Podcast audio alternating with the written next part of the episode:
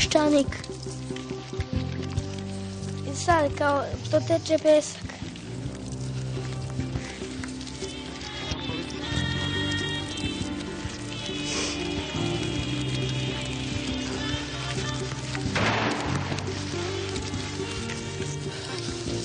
On je čovjek dosadan. On je čovjek dosadan čovjek. On je uvek bio dosadan.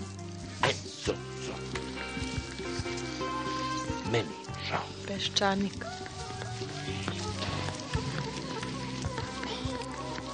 Opšta histerija. Beda, ljudska beda, ne samo ekonomska, nego i neka, ono, intimna, lična. Daj bilo šta. Daj, samo da slušti nešto. Daj da bude moje. Nama je žao. Peščanik. Nije bilo dovoljno snage da kaže I'm e, so sorry. Meni je žao. Redka je generacija koja je dobila takvu šansu kao ova to je tragična politička generacija. Ni štetu nisu napravili veliku.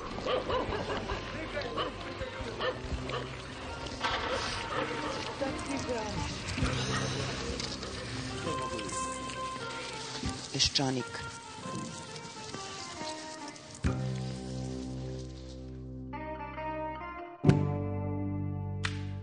thank you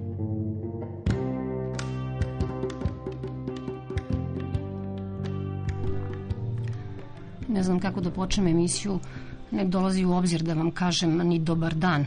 Vrisnuće Demokratska stranka Srbije da to optimističko, optimističko dobar dan znači da u vreme predizborne tišine podržavam vladu i njenog kandidata da širim prokleti optimizam u zemlju u koji je skoro sve gore nego za vreme Miloševića.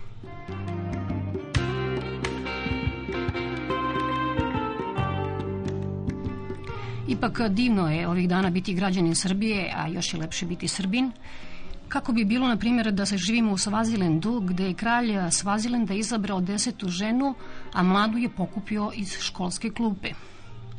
Kako bi bilo da smo Iranci, pa da vlast našoj deci oduzima lutku barbiku i daje im lutku saru prikrivenu čadru. Kako bi bilo da smo Iračani i da čekamo da nas satru sa zemljom, delimično znamo – ali kako bi bilo tužno da smo Amerikanci, čiji predsednik Bush junior svoj pohod protiv drugog jehača apokalipse Sadama Huseina opravdava i rečenicom u ostalom, taj tip je hteo da ubije moga tatu.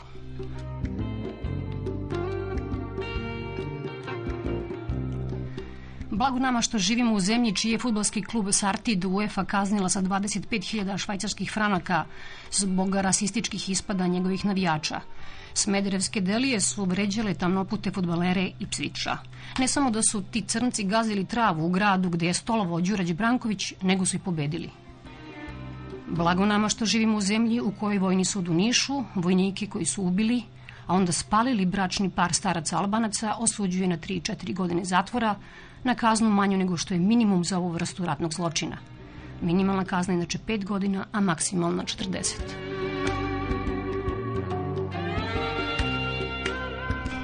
Predsjednik vijeća je rekao da je kazna blaga jer su vojnici bili emocionalno nezreli, a i dobri su vojnici. Pa neka još neko kaže kako je naše društvo spremno i sposobno da se ovde umesto u Hagu sudi za ratne zločine. A onaj što smo ga toliko puta birali za predsednika u Hagu počinje da drema. Prilikom svedočenja bivšeg ministra spoljnih poslova Crne Gore, Milošević je jedva držao oči otvorene, bukvalno mu je padala glava. Kada dođe red na Srebrenicu, spustit će je na sto i početi prekusno da hrče. Sve su to normalni ljudi, u tome je problem. Pa i Eichmann je bio normalan. Psihijatar koji ga je pregledao rekao je taj čovek je svakako normalniji nego što sam ja sada posle pregleda. Nenormalni smo svi mi koji se stidimo svoje zemlje i svog imena kada se skoro izvinjavamo ubicama što zbog sveta moramo da ih osudimo na kazne, koji su do duše manje nego što bi bile da su deca obila samoposlugu.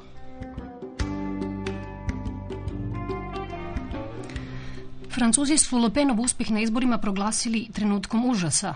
Ovde se niko pošteno nije užasnuo nad činjenicom da je četvrtina birača glasala za Šešelja. Narod je tako hteo. Amin.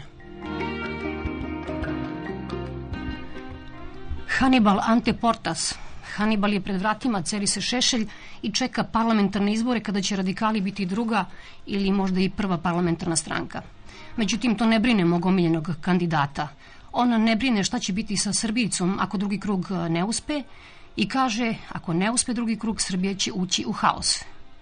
Biće jako loše ako ne uspemo da izaberemo predsednika, ali da mi neko govori o haosu, o bedi i jadu u kojem živimo posle 5. oktobra, to je vrhunska drskost.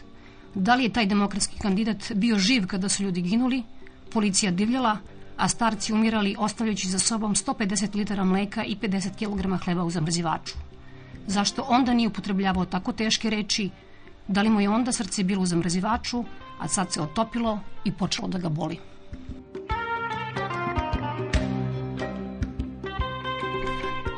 E pa sada dobar dan, poštovani slušalci.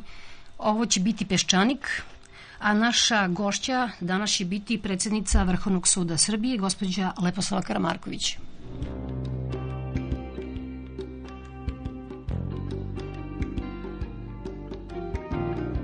Peščanik.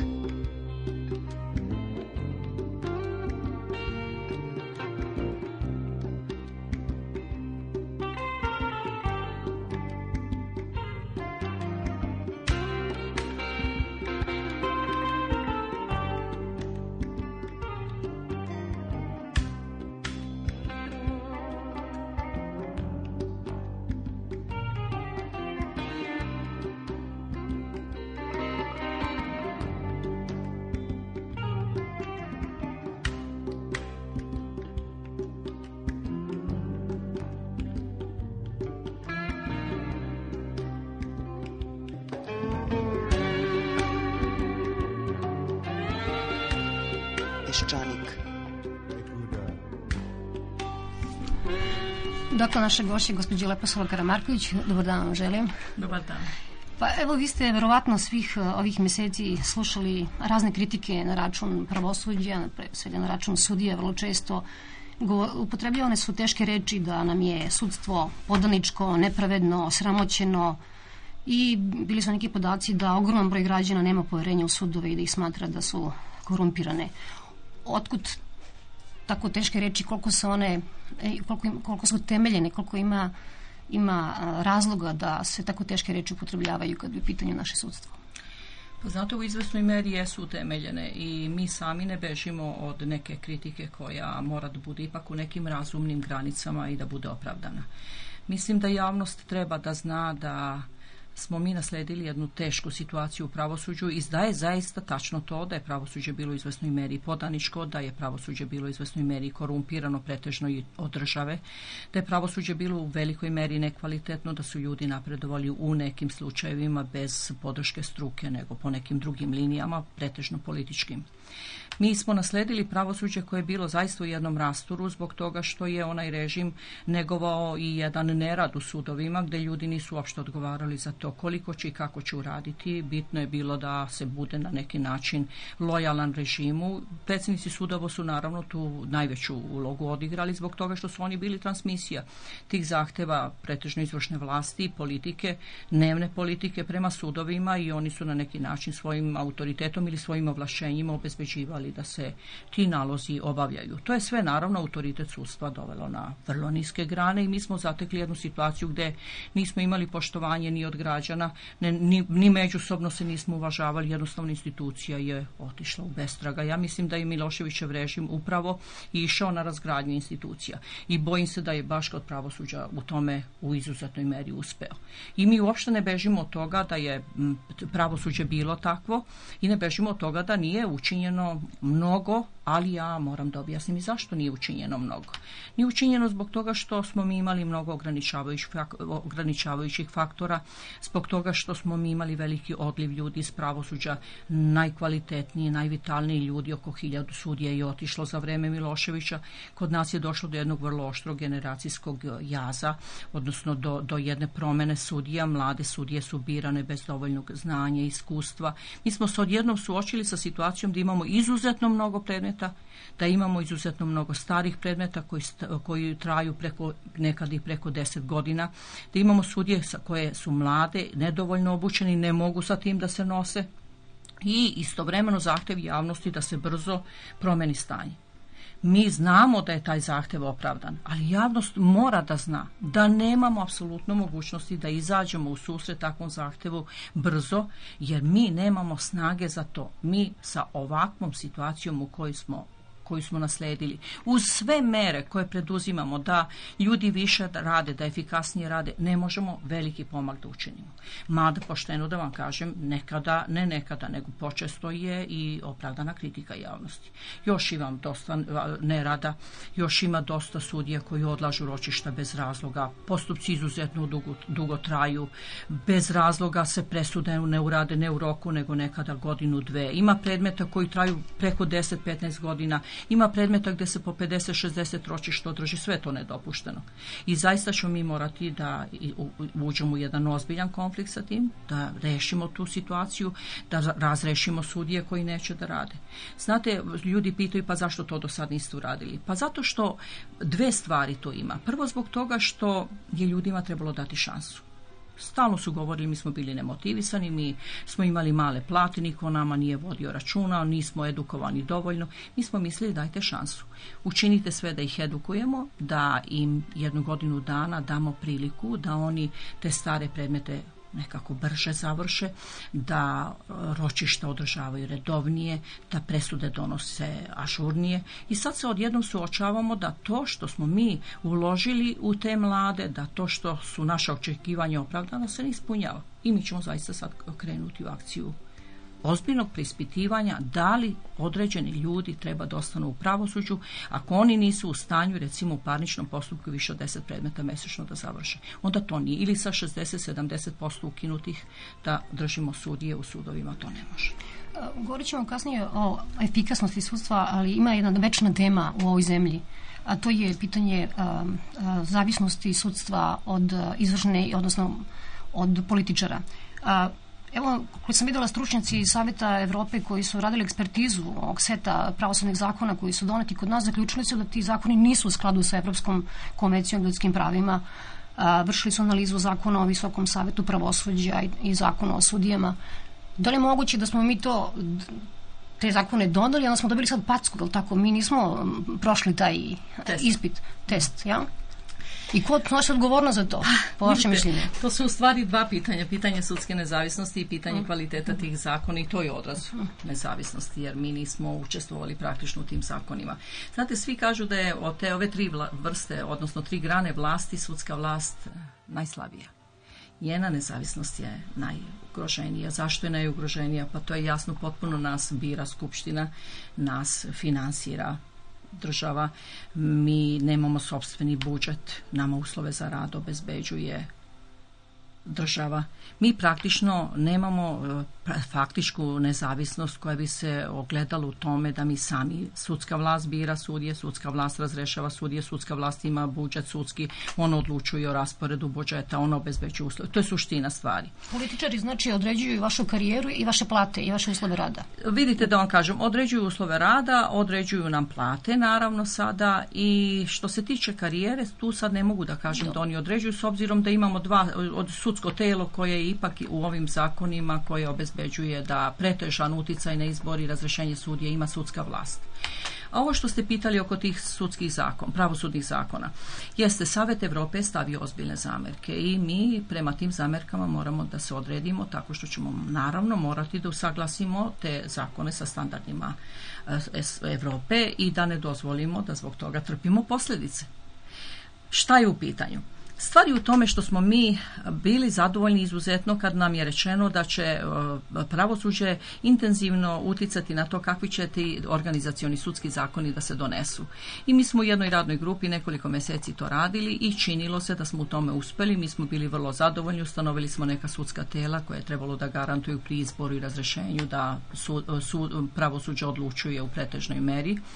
Kad je trebalo da budu usvojeni ti zakoni koji su pritom predviđali i mogućnost mogućnost da se radikalno reši pitanje onih kadrova koji su sarađivali sa režimom i koji su tu na račun pravosuđa pravili razne ustupke, došlo je do dogovora između dve vladajuće stranke i ti, u tim međusobnim ustupcima zakon koji uopšte nije bio od pravosuđa, e, nije, nismo učestvovali u njegovoj izradi, on je usvojen. Usvojen je set zakona. Da, preciziramo, to je set zakona koji predlaže Demokratska stranka Srbije i reč je o onoj trgovini zakonima... Sa zakonom o radu. Zakonom o radu, yes. Da, da U toj trgovini mi smo bolje prošli nego što smo očekivali. S obzirom da uopšte nismo imali mogućnosti da učestvujemo u rešenjima koje su sadržane u tim zakonima, jer smo se s njima suočili onda kada su oni usvojeni mi smo ipak dobro prošli u toliko što je ipak to na određen način uspostavilo neke garancije sudske nezavisnosti kroz Visoki savet pravosuđa i veliko personalno veće i mi smo sem određenih zamerki ipak bili e, zadovoljni. Nismo bili zadovoljni načinom na koji je zakon donet jer ne sme tako da se podceni stručna javnost i da se ne dozvoli naše učešće u fazi donošenja zakona i kreiranja rešenja i nismo bili zadovoljni što su uopšte tako važna oblast prepušta Trump i nekom, nekim sporazumevanjima stranaka, ali kada smo tekst videli, mi smo ipak videli da on uz određenu popravku i doradu može da opstane i da odgovori možda našoj potrebi. Mi smo se odmah uživjeli u ulogu jedne sudske vlasti koja je u prvim izborima već preko Visokog saveta pravosuđa odlučujuće uticala na izbor kvalitetnih ljudi sada kada je bilo, bio izbor sudije i predsjednika sudova pre dva meseca i tamo nam smo krenuli u fazu dorade i, i poboljšanja tog teksta, opet preko društva sudija, preko okruglih stolova, kad su nas iznenadili izmenama i dopunama koje su postignuti stepen nezavisnosti pravosuđa doveli u pitanje i ugrozili, što nije dopušteno, što u Evropi u, u standardima Evropske unije ne dopušteno da se dostignuti stepen nezavisnosti domaćim zakonima ugrožava. To je učinjeno. Odjednom se širi polje ovlašćenja Ministarstva pravde na račun ovih sudskih tela i odjednom se čini nešto što je bez presedana. Predsjednicima sudova se oduzima mogućnost da za vreme vršenja predsjednič, predsjedničke funkcije budu sudije. Naravno, ja sam izabrana kao sudija. Svi predsednici sudova koji drže nekako do sebe, oni pre svega kažu ja sam sudija. Pa tek posle sam predsednik. Ja sam privremeno predsednik, ali ja sam po vokaciji sudija oduzeti predsjednicima sudova ono što je osnov njihovog postojanja i pretvoriti ih u upravljače i u menadžera. To nije moglo da prođe. Naravno, to je jarost u pravosuđu izazvalo i odmah smo krenuli, naravno, pravnim putem, kao što nam i doliku i obraćanju Ustavnom sudu, sa zahtevom da se preispita ustavnost tih odredaba. Ustavni sud Srbije reagovao relativno brzo s obzirom na vreme godišnjih odmora i doneo privremenu meru i suspendovao primenu određenih Uh, odredaba, uključujući i tu odredbu o zabrani predsjednicima suda da vrše sudijsku funkciju. Naravno, Savet e, Evrope nije zadovoljan time. Kako može da bude zadovoljan? Jer to sad više nije jedna konzistentna materija, to nije dobro uređena materija. Ne možete vi u sistemski zakon posle šest meseci od, njegovog, e, od njegove primene da intervenišete tako grubo, bez, bez uopšte e, poštovanja, poštovanja stručne javnosti i bez ozbiljnog napora da se popravi taj zakon, nego ga vučete korak nazad i dovodite u situaciju pravosuđa da ono bude ponovo rezignirano, ponovo ponovo u gardu prema izvršnoj vlasti, ponovo sa obraćanjem Ustavnom sudu. I znate gde smo danas? Mi imamo suspenziju tih odredbi, ali praktično imamo jednu paralizu sistema. Nama ne radi veliko personalno veće, a stalno se ističe zahtjev za razrešenjem sudija. Nema govora. Nama praktično izbori nisu mogući zbog toga što su određene odredbe suspendovane. Mi smo sada u poziciji da moramo da učinimo ono što smo i učinili. Ako vas to interesuje, ja ću vam reći, mi hoćemo, pravimo projekat strategije reforme pravosuđa u Srbiji, i taj projekat strategije treba da obezbedi da se zaista strateški pristupi reformi pravosuđa, da to ne bude pitanje do, trampe, donošenja zakona na brzinu, nepoštovanja stručne javnosti, izmene i dopuna kad neki poslanik to u Skupštini hoće, nego da se principi, strateški principi te reforme ustanove i da sve posle toga bude u skladu sa tom strategijom. Tada ćemo mi moći da govorimo o tome da pravosuđe funkcioniše u uslovima nesumnjive E, nesumnjive pravila postupanja, pravila, strateških pravila i da znamo faze u kojima će se ta reforma ostvarivati. Tada ćemo mi moći da odgovorimo naravno iz, na zahtev Saveta Evrope koji je potpuno opravdan i tada ćemo mi moći da govorimo o tome da smo mi jedno ozbiljno pravosuđe koje zna u kojim uslovima posluje. E, na, većina naših slušalaca se seća onog a, e, zaista osionog napada a, i ministra pravde i samog premijera uh, na pravosuđe, na, na sudstvo pre svega i, ako mogu tako da kažem, javnost koja je u velikoj meri stala na stranu, uh, na stranu uh, sudija. Međutim, ono što u javnosti takođe ostavlja jedan mučan utisak, a to je, recimo da uprostimo ovako, za ove dve godine praktično, praktično skoro niko nije osuđen iz bivšeg režima. Za ove dve godine praktično niko, odnosno veoma mali broj ljudi koji su užasno iskompromitovani uh, u prethodnom periodu, koji su učestvovali izbornim krađima, takođe su na svojim mestima. Uh, vi insistirate vrlo često, što je potpuno razumljivo, na tome da se poštoje dostojanstvo sudija, sudstva i tako dalje. Međutim, uh, problem nastaje koliko ste vi učinili sami da se, kako da kažem, samo očistite iznutra, da se jednostavno da jednostavno kažete tim ljudima koji su, se, koji su vas kompromitovali ovih prethodnih godina da im nije mesto tamo.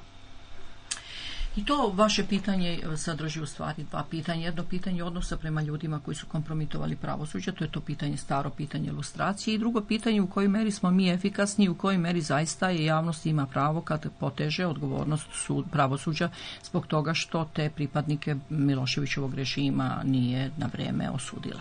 Ili što mi kažemo što ne rešava brzo te predmete za koje je izuzetno zainteresovana javnost.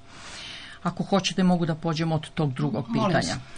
Vidite, e, stoji činjenica da se dosta sporo dolazi do, do okončanja tih postupaka ko, za koje je zainteresovana izuzetno javnost, ali tu mora da se vodi računa i da javnost zna o čemu se radi. Mi dobijamo stalno izveštaje, pošto pretežni deo tih predmeta se vodi pred Beogradskim okružnim sudom. I Beogradski okružni sud je ozbiljnu jednu analizu napravio tih predmeta za koje je zainteresovana javnost i javnost mora da zna da ne može sve to da svali na teret suda i da prigovara sudovima što, sudu što je nedovoljno uložio napora da to dovede do kraja. Evo zašto. Dosta ima potpuno neotkrivenih dela. To znači mi imamo u tom lancu od momenta kada je krivično delo učinjeno pa do osude tri subjekta, tri institucije. Mi imamo Ministarstvo unutrašnjih poslova, imamo javno tužilaštvo, imamo sud. Imamo organ otkrivanja, to je Ministarstvo unutrašnjih poslova, organ gonjenja, to je javno tužilaštvo i organ koji vodi krivični postupak, to je sud. Samo može da se izvede sve to do kraja u dobrom sadejstvu, kvalitetnoj saradnji ta tri stupa. To znači mora neko da otkrije, mora sa dovoljno dokaza da ide pred tužioca, mora tužilac to da u progonu prezentira sudu na pravi način i da sud tek povodom toga deluje stvara se privid u javnosti da je to sve pred sudom i da to što niko nije, odnosno što je malo njih osuđeno, da se to ima staviti na teret suda. Nije tačno. Jedan deo na teret MUPA koji nije otkrio, odnosno nije pribavio dokaze da to javnom tužilaštvu prezentira. Drugi deo javnom tužilaštvu, treći deo sudu. Ono za što sud ima da odgovara, to je ono što je procesuirano, što je pred sudom i što dugo traje i što je neefikasno. Verujte, tu uopšte nema odbrane. To samo znači jedan segment je za koji sud odgovara i u tom segmentu mi moramo da snosimo odgovornost za, on, za naše postupanje, odnosno nepostupanje. Ono što mi činimo, to je da maltene dnevno pratimo kako se ti predmeti kreću i da činimo sve da se oni ubrzaju. Međutim, tu imate masu stvari koje otežavaju. Sem toga što možda sud nekad nije na visini, što sud možda ne, nedovoljno je, je agilan ili ne smatra to prioritetnim predmetima, nego ih radi kao i sve druge predmete. Ima tu još nešto. Tu je teško doći do dokaza. Pismenih posebno to je jako teško izviđanje, dokazivanje, utvrđivanje činičnog stanja. Vi znate kako to sve ide. To su ljudi koji su bili u grupi koji jedan drugog paze, koji se čuvaju. Pa tu je teško doći do svedoka koji hoće da kaže ili koji zna, do isprava. Tako da su sve to otežavajuće okolnosti koje na neki način produžavaju to vreme koje bi inače bilo jedno razumno vreme da se okonča postupak. Ali ja ne pravdam sud. Ima tu zaista još dosta stvari da se sud ispravi. I dosta razloga da javnost prigovore i sudu, ali javnost mora da Da stavi na račun suda samo ono zaista što je posljedica njegovog nerada i njegove neodgovornosti. Da, ono što je e, skoro rekao, izvinite, e, ministar Mihajlović e, vjerojatno ide u prilog tome što ste vi rekli, on kaže, pa da, mi imamo operativna saznanja o mnogim ljudima čime se bave, ali ne možemo da skupimo dokaze protiv njih. I s druge strane, videli ste u poslednje vreme ova ubistva u Beogradu, obračuni, stalno se govore da je neki čovek, recimo taj koji je ubijen, da je poznat kao kokoreli kriminalac. I onda je naravno ono što javnosti pita, pa dobro, ako deset godina se zna da taj čovjek hara po Beogradu, ko snosi odgovornost za tako nešto? Pa evo ja ću vam reći, gledajte, jedan od političara kaže pa u svakom mestu se zna ko je glavni diler i on šeta ulicu. Pa šta može suda uradi tom čoveku? Da ga zatvori? Pa zna se ko treba da prvi krene prema njemu. Prvo mu treba da krene prema njemu. Pa onda tužilaštvo, pa onda sud. Ili ovo što vi kažete kada je bilo sad ubistvo pre neki dan i novinar je ovako rekao. Kaže on deset godina hara po Beogradu i za to vreme sud je podbijao sve prijave. Prijava, prijava uopšte nije inicijalni akt na osnovu koga sud pokreće postupak. Znate što je prijavu? Pa ja odem i kažem pa neko je izvršio ubistvo kao građanin kaže, Pa to nije kvalifikovano, to nije dovoljno kvalitetno da bi ošte sud ušao u proceduru. Tome treba da prethodi operativni rad, tome treba da prethodi i MUP i tužilaštvo. To je ono što ne treba raditi. Ne, ne sme da se kaže od hiljadu prijava jedan je jedna osuda. Pa uopšte nije to u korelaciji. Nije početak sudskog postupka prijava krivična nego je kvalifikovan akt javnog tužioca, optužnica, prema tome od prijave do optužnice, to je nečiji drugi posao, nečija druga nadležnost. Ja se samo za to borim i zbog toga ćemo mi sad imati nekoliko okruglih stolova. Javnost naša, ne zbog toga što mi hoćemo da se pravdamo, nego zato što hoćemo da učinimo to da svaka od ova tri, tri, tri karike u lancu radi kako treba i da koordiniramo i da javno zna šta je čija nadležnost, mi ćemo napraviti niz okruglih stolova. Upravo sa, tim, sa tom temom. MUP, tužilaštvo sud, od momenta kada je učinjeno krivično delo do osude. I da se mi malo porazgovaramo i da vidimo gde smo mi tu, da li je ta saradnja kvalitetna i da javnost konačno zna koga treba da proziva. Jer je vrlo značajno koga će javnost da prozove. Verujte, kada javnost prozove sud, nikada nismo potpuno, ne potpuno, ne da nismo indiferentni, nego smo vrlo ozbiljni i ozbiljno uzimamo to. Kada nam je predočeno da nemamo dobru kaznenu politiku, mi smo na pravi način to uradili. Od tada do danas u kaznenoj politici i praćenju imamo službu koja to radi analitičku i tu nema govora da mi podcenimo ono što javnost prigovori sudu tu nema govora, ali nećemo da nam se stavlja na teret ono zašto nismo krivi. A zašto mislite da se najčešće napada sud? Da, zato što je uh, ministarstvo unutrašnjih poslova tako tesno vezano sa izvršnom vlašću i zato što su tužioci tako tesnom zagrljaju sa izvršnom vlasti. Pa vi kao niste njihovi. Što najlakše je na vas onda Pa znate šta, da vam njihovi. kažem, ja ne bih ulazila u razloge, ima svega toga što vi kažete, ali suština je u tome što mi se čini da je nekako za javnost najlakše prozvati sud jer e, znate šta, svako, ne svako, većina ljudi imala neki kontakt sa sudom i većina nije zadovoljna sa sudom. I onda je lako reći, e, sud je taj koji je kriv i javnost onda ima nekoga komu je dežurni krivac, nekako mu je to najkonkretnije. Tako da o, ovo što ja kažem, ta borba da se zna ko je, zaš, ko je zašto odgovoran i ja mislim da je suštinska zbog toga što će onda svako od nas da se vrlo ozbilji.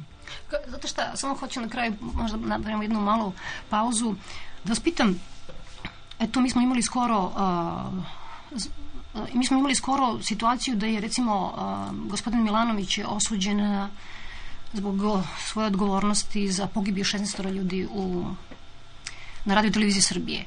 Možete vi da zamislite kako je odjeknula vest da je njemu omogućeno da odmah posle toga umjesto zatvor ode na letovanje u Crnu Goru.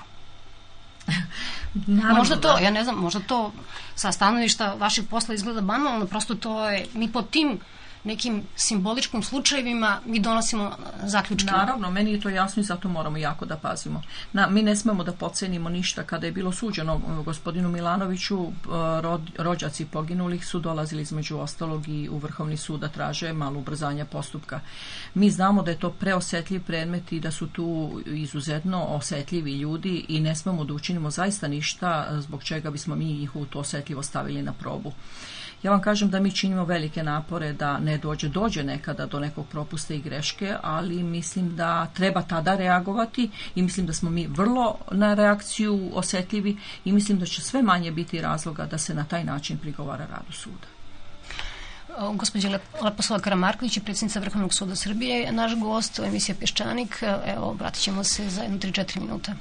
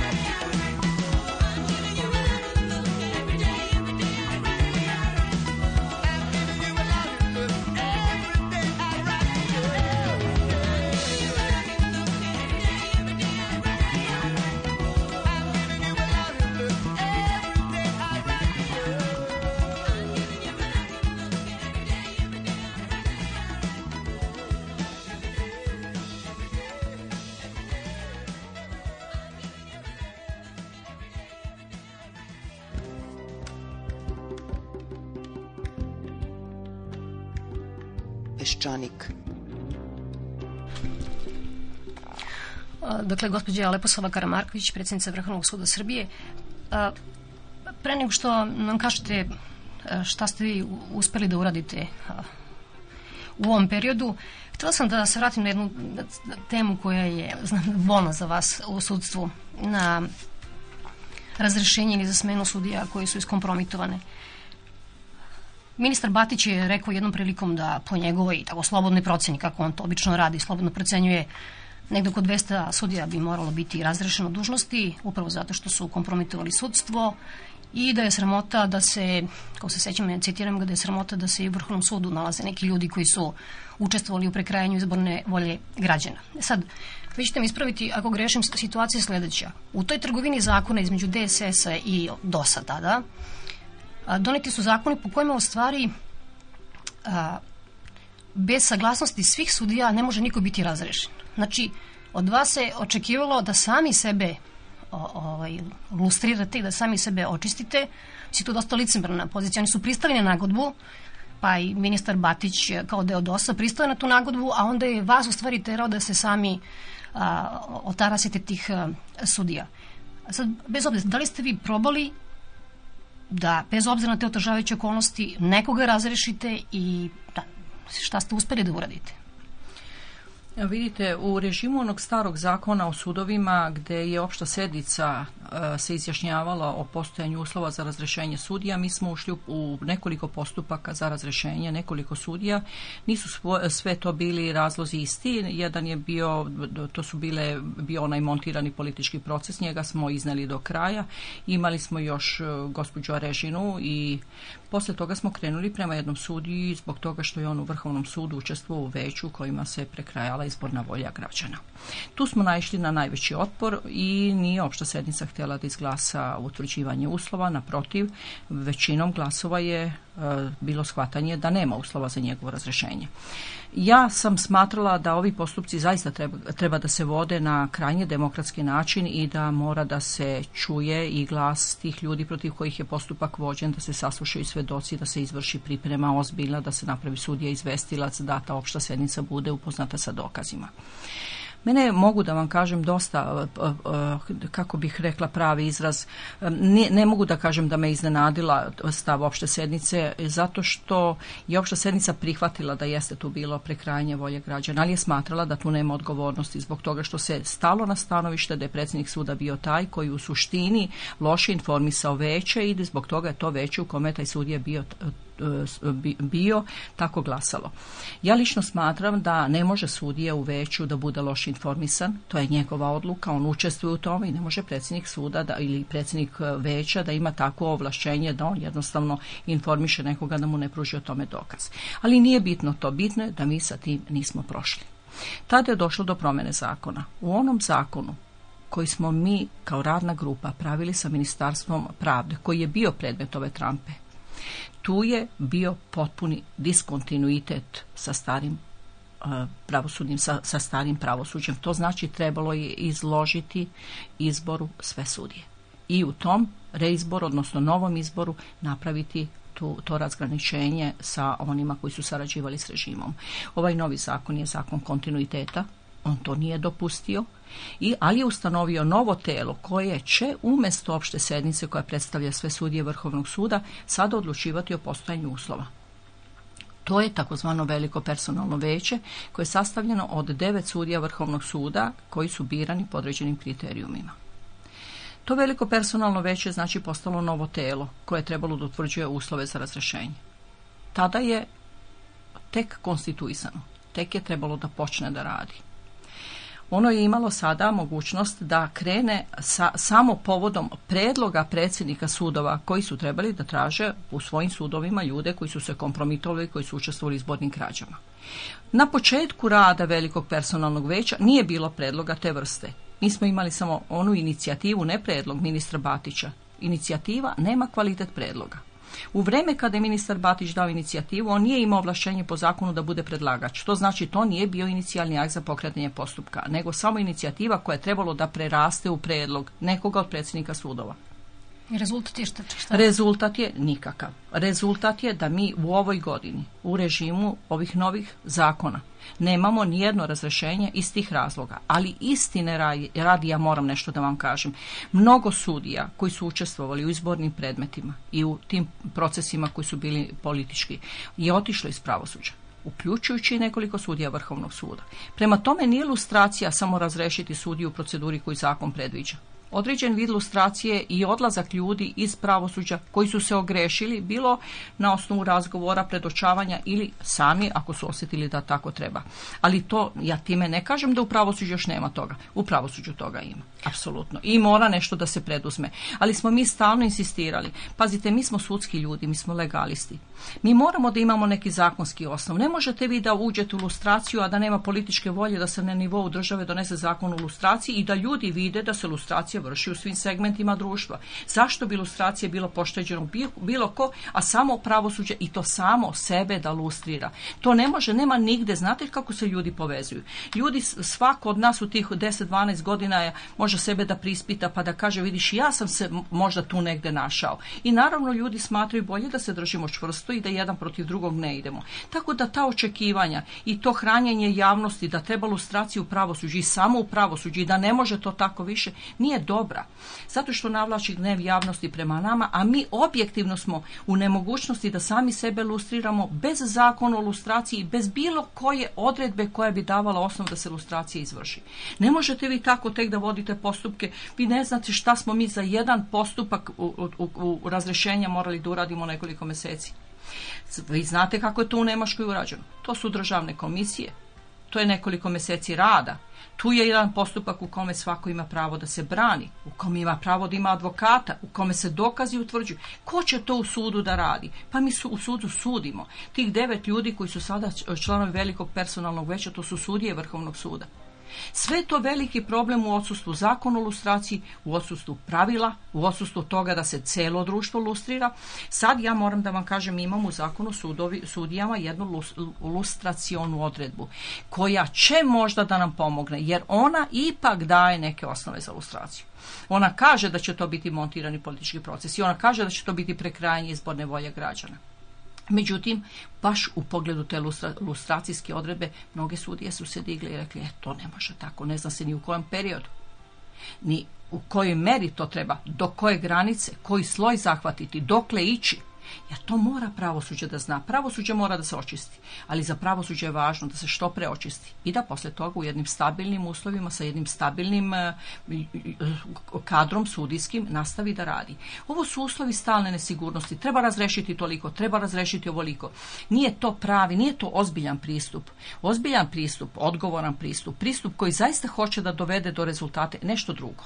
Tad mora da se na pravi način postavi sistemski to pitanje, da, su daju, da se daju kriterijumi, merila, organi koji će to da rade i da se to radi u jednoj proceduri koja garantuje zaštitu ljudskih prava. Mi hoćemo to, pa zašto mi ne bismo hteli, pa mi smo prvi, ja sam prva govorila o tome da je ilustracija nužna u pravosuđu, kao što je nužna verovatno i u drugim segmentima.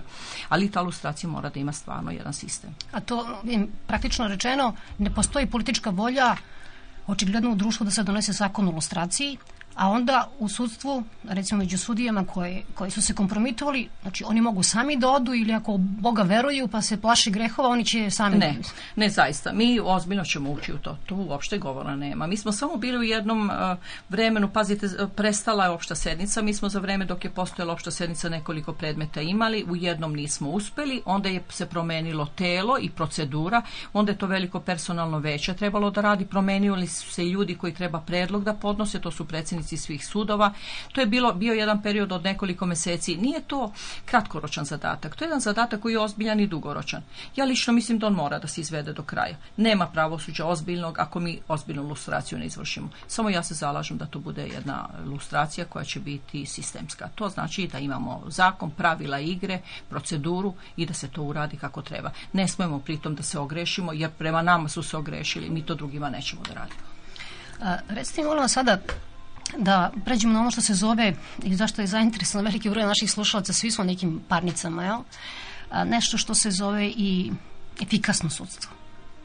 Ja sam čula neke podatke koji, koji su izneti, koji kažu recimo da ne znam, e, u Portugali koji ima 10 miliona ljudi, ima 1200 sudija, kod nas ima 2500 sudija. Da tamo se godišnje procesuira oko 8 miliona sporova, kod nas 4 godine. Kod nas traj, traju ovi procesi po 4-5, rekli ste vi 10 godina. Kada ću ja moći da tužim svoju državu, vas sudije, zato što zbog šupe se sudim 5 godina, pri čemu sam plaćala advokata 1000 maraka i plaćala još vas kao sudiju da biste obavili ti posao vi ćete uskoro moći da se sudite. Vi ćete uskoro moći ukoliko vaša država u sudskoj proceduri ne obezbedi da vi do pravde dođete u jednom razumnom roku, vi ćete moći da se obratite Evropskom sudu za ljudska prava i da tražite zaštitu prema državi. I da država bude obavezana na naknadu štete zbog toga što ste vi trpeli sami dugim i srpljujućim trajanjem postupka. Vi zadržavate pravo u tom sporu koji vodite u svojoj zemlji, vi ćete ga izvesti do kraja, ali vi se obraćate tom sudu u Strasburu samo zato što država nije organizovala svoje pravosuđe na način da obezbedi da u razumnom roku vi dođete do pravde. Tako da je to izvesno. Je to tačno da, da su Mađari da, je, da su Mađari nekoliko desetine hiljada tužilo svoju državu upravo zbog tih stvari? Naravno, pa mi dobijamo biltene suda, pa mi sada vidimo koliko to mi ćemo biti pred vratima suda u Strasburu stalno. I to je jedan od razloga naravno, pored ovoga što javnost traži i na, da, na zahtev javnosti mi moramo da odgovorimo efikasnim pravosuđem. Zato i postojimo, mi smo samo servis javnosti, ne treba da uobražavamo da smo mnogo značajni. Značajni smo samo ako smo kvalitetan servis, ali mi moramo da vodimo računa i prema obavezama države. Prvo prema ugledu moje države. Ne može moja država sada da bude stalno dužnik naknade štete zbog toga što njeno pravosuđe ne funkcioniše efikasno s jedne strane. A s druge strane kad pogledate ta država ista, ona mora da organizuje pravosuđe tako da ono bude efikasno. To znači imate sada istvo jednog i drugog. Ali ono što ja hoću da kažem, nemamo sada efikasno pravosuđe, to moram da priznam, nemamo. Mi možemo sada da govorimo o tome, imamo mnogo mladih, mnogo neobučenih, imamo mnogo zatečenih starih predmeta, imamo već veliko opterećenje po sudiji, mi to sve možemo da kažemo, ali se to građanina ne tiče. Šta se njega tiče? On hoće zaista svoje pravo u razumnom roku da ostvari. Šta mi hoćemo? Mi hoćemo zaista da odgovorimo na taj zahtev javnosti. Nećemo biti ozbiljno respektabilno pravosuđe, pravosuđe sa autoritetom ako na taj zahtev ne odgovorimo brzo. I e sad ono što bih htjela da vam da. kažem, ne može brzo da se odgovori ako se ide tradicionalno, mi vršimo pritisak na sudije, mi ih kontrolišemo, mi nalažemo, mi zahtevamo statistike, podatke, stalne izveštaje. Međutim, to daje pomake, ali na duži rok. Na kratak rok to ne odgovara. A javnost nestrpljiva, a Strasbur je tu. Šta smo mi hteli da uradimo? Da napravimo radikalne rezove i ja ću vam reći šta je to ako ja, naravno, šta? imamo vremena. Mi smo kre, prvo sagledali situaciju, videli mnogo mladih, mnogo loše obučenih. Nisu ni mogli, znate, gimnazija, fakultet, usmereno obrazovanje, kako je to bilo za ovih 12 godina. I mi sada treba da substituišemo sve te nedostatke i mi sada ubrzano radimo na edukaciji. Naš je prioritetni zadatak i to je pravosuđe iznedrilo ideju i za nju se tako borilo da se napravi pravosudni centar. Napravili smo pravosudni centar. Pravosudni centar obezbedi uslove za tri godine rada. Po celoj Srbiji idu timovi koji edukuju mlade sudije do tri godine sudijskog iskustva. Mi ih obučavamo u procesnom materijalnom pravu, pokušavamo da im e, sve svoje znanje koje imamo i volju i entuzijazam pretočimo i da oni brzo e, ovladaju parnicom, brzo ovladaju postupkom. Nama edukacija je toliko značajna da smo mi u nju ušli još pre nego što smo centar osnovali i kažem pokrili celu Srbiju. Ne edukujemo mi samo u građanskom, i u procesnom i materijalnom pravu i u ljudskim pravima i u odnosu medija sa, e, i, i pravosuđa. Mi ih e, edukujemo i u nekim drugim disciplinama koji su izuzetno značajne za pravosuđe. Sad ćemo da ih edukujemo o vještacima. Sve što uočimo da je problem, mi ćemo na to ići u edukaciju. Samo da vas pitam nešto, molim vas, vi ćete mi ispraviti ako grešim. Da li je bilo bolje, sad šta bi bilo da je bilo, da li bi bilo bolje da se stvar rešila, tako sam čula ponovo u Mađarskoj, da su ljudi dobili uh, otkaze sudije upravo zbog toga što i to uh, veoma veliki broj ljudi zato što nisu znali da sude mnoge stvari koje prosto nikad nisu čuli. Da, da. mislim. Da. I da su onda da. primani da, naknadno, da, da. tako? Vidite, mi imamo jedno izuzetno značajno ustavno ograničenje. Vi imamo, mi imamo princip stalnosti sudijske funkcije, ona ne dozvoljava da vi tako ljude otpuštate. Kad je u Nemačkoj došlo do te radikalne smene potpunog reizbora, oni su bili u sjajnoj situaciji i njima je po ustavu već isticao mandat sudija. Vi znate da mi od 1991. godine imamo neograničen mandat sudija i da prestanak sudijske funkcije se vezuje samo za određene razloge i pretpostavlja samo da idete pojedinačno prema sudiji. Tako da vi masovno otpuštanje, tako kako su Mađari uradili, to je kod nas isključeno. To bi bila teška povreda ustavnog prava. Tako da mi to nemamo na raspolaganju. Mi smo se suočili sa tim. Mi, koliko god i gospodin e, ministar kaže, on će promeniti sve sudije. Nema od toga ništa. Znate zašto? Prvo, ne zaslužuju sve sudije da budu promenjeni. Ima tu jako dobrog i kvalitetnog jezgra. A drugo, odakle vam nove sudije? gdje ćete vi naći nove kvalitetne sudije? Ti iz advokature ljudi koji su iz pravosuđa tih hiljadu ljudi otišli, ja sam sa njima razgovarala i rekla vratite se u sud, sad će biti bolji uslovi, druga je atmosfera, neće više biti pritisaka, normalno ćemo raditi. Oni neće u pravosuđe, zašto neće? Nema za njih ništa tu atraktivno. Pravosuđe pod stalnom presijom, sa stalnim zahtevima, stalno se preti ilustracijom, do sada male plate bile, šta je za njih atraktivno u pravosuđu? I onda mi kao ozbiljni odgovorni ljudi mi znamo da moramo to pravosuđe pravosuđe nekako da popravimo, iznutra da ga popravimo. Da, Kako ćeš ga popraviti nego prvo edukacijom. To znači ako ne mogu da ga otpustim zbog toga što on mnoge stvari ne zna, ja mogu da ga naučim ali taj proces učenja, šta će stranka dok ovaj sudija ne nauči? To je pitanje koje se postavlja. Nemate vi strpljenja kao stranka u sporu koji vi se suočavate s tim da on to ne vlada time još, da čekate da se on obuči. E, zato smo mi išli u, ušli u tu drugu, drugu veliku, drugi veliki projekat, to je projekat medijacije. A da objasnite nam šta je to? To je bio... Pa znate šta je, to je nešto što smo mi sa oduševljenjem prihvatili. Mi smo shvatili, vidite, ušli smo u edukaciju i znamo da je to proces. I rekli smo ne možemo mi taj proces da čekamo jer njegovi rezultati su dosta spori. Medijacija je nešto sa čim smo se mi suočili u nekoliko zemalja u, Europe i u Americi. To je jedna, jedan alternativni način rešavanja, po, rješavanja sporova koji je u svim zemljama koje ga primenjuju dao izuzetne rezultate izuzetne. To znači, ne mora parnični postupak recimo da se okonča uvek odlukom posle nekoliko godina. On možda se okonča tako što će se stranke sporazumeti. I u tom sporazumevanju treba neko da bude medijator. Neko ko će suprotne interese strana kada pomiri, da one pomalo odustanu od svojih, da dođu do neke mere koja i jednu i drugu stranu zadovoljava. Teško će to Srbiji sa tim. E da vidite, nije baš tako teško. Jeli? Ne, da vam kažem, nama su predočili odmah i hteli su nekako da nas, e, da nas odvrate od toga, tvrdeći da naš mentalitet to ne dozvoljava, da mi volimo mnogo da se parničimo. Međutim, kad vi stavite date u, u izgled stranci da ona plaća veliku taksu za tužbu, da su advokatske usluge skupe, da je spor, spor da je izvesnost da dođe do pravde odložena za 3-4 godine, da dotle on mora da uloži ogromnu energiju, da će se dotle odnos još više zaoštriti, da će on izaći iz tog postupka ojađen i iseđen, onda je već nekako ta, ta spremnost na medijaciju, spremnost na poravnanje izraženija ali da vam kažem, mi ne idemo nikad na brzinu. Mi lepo smo napravili jedan pilot projekat koji se zove Nedelja poravnanja, koji je u celoj Srbiji obavljen u svim opštinskim sudovima u septembru mesecu. Mi smo imali sada jedan sastanak svih predsednika sudova da vidimo kakvi su rezultati te nedelje poravnanja i mogu vam reći, rezultati su dobri. Rezultati nisu spektakularni, ali nisu ni očekivanja takva bila. Mi smo znali da ne možemo mi prvi, stranke se tek suočavaju sa tim kao idejom, advokati tek treba se priviknu na to da ćemo mi tu imati neke velike uspehe. Međutim, imali smo uspeha tamo gde su predsednici sudova ozbiljno to shvatili i bili angažovani. Tad smo imali uspeha. A tamo gde su predsednici sudova pokazali još i entuzijazam, tamo smo imali sjajne rezultate. Mi smo bili pre neki dan u Bečaju. Trebalo je da vidite. Ceo sud je u atmosferi medija administracije. Tu štampa, tu advokati, tu medijatori, sudije, svi samo o tome govore. Znate vi šta znači završiti jedan spor, recimo između bračnih drugova oko tekovine, koji traje 15 godina, gdje su se ljudi, ne, i deca, i muž i žena potpuno u, ušančili, u rov se stavili, gdje se samo tuku svim sredstvima, da vi rešite taj spor. Znate šta to znači? Pa da ga jedan rešite, pa je velika stvar. Lako je rešavati sitne sporove, ali te teške sporove koje su iscrpele stranke godinama. Mi smo na medijaciju izneli sporove koji su stariji od tri godine. Mi smo animirali advokate, mi smo dobili podršku advokatskih komora, mi smo velike stranke kao što su osiguravajuće kompanije za, zainteresovali za tu ideju, dobili od njih veliku podršku, animirali javnost održali jedan skup gde smo e, svima objasnili šta mi u stvari to hoćemo i pripremili atmosferu za medijaciju.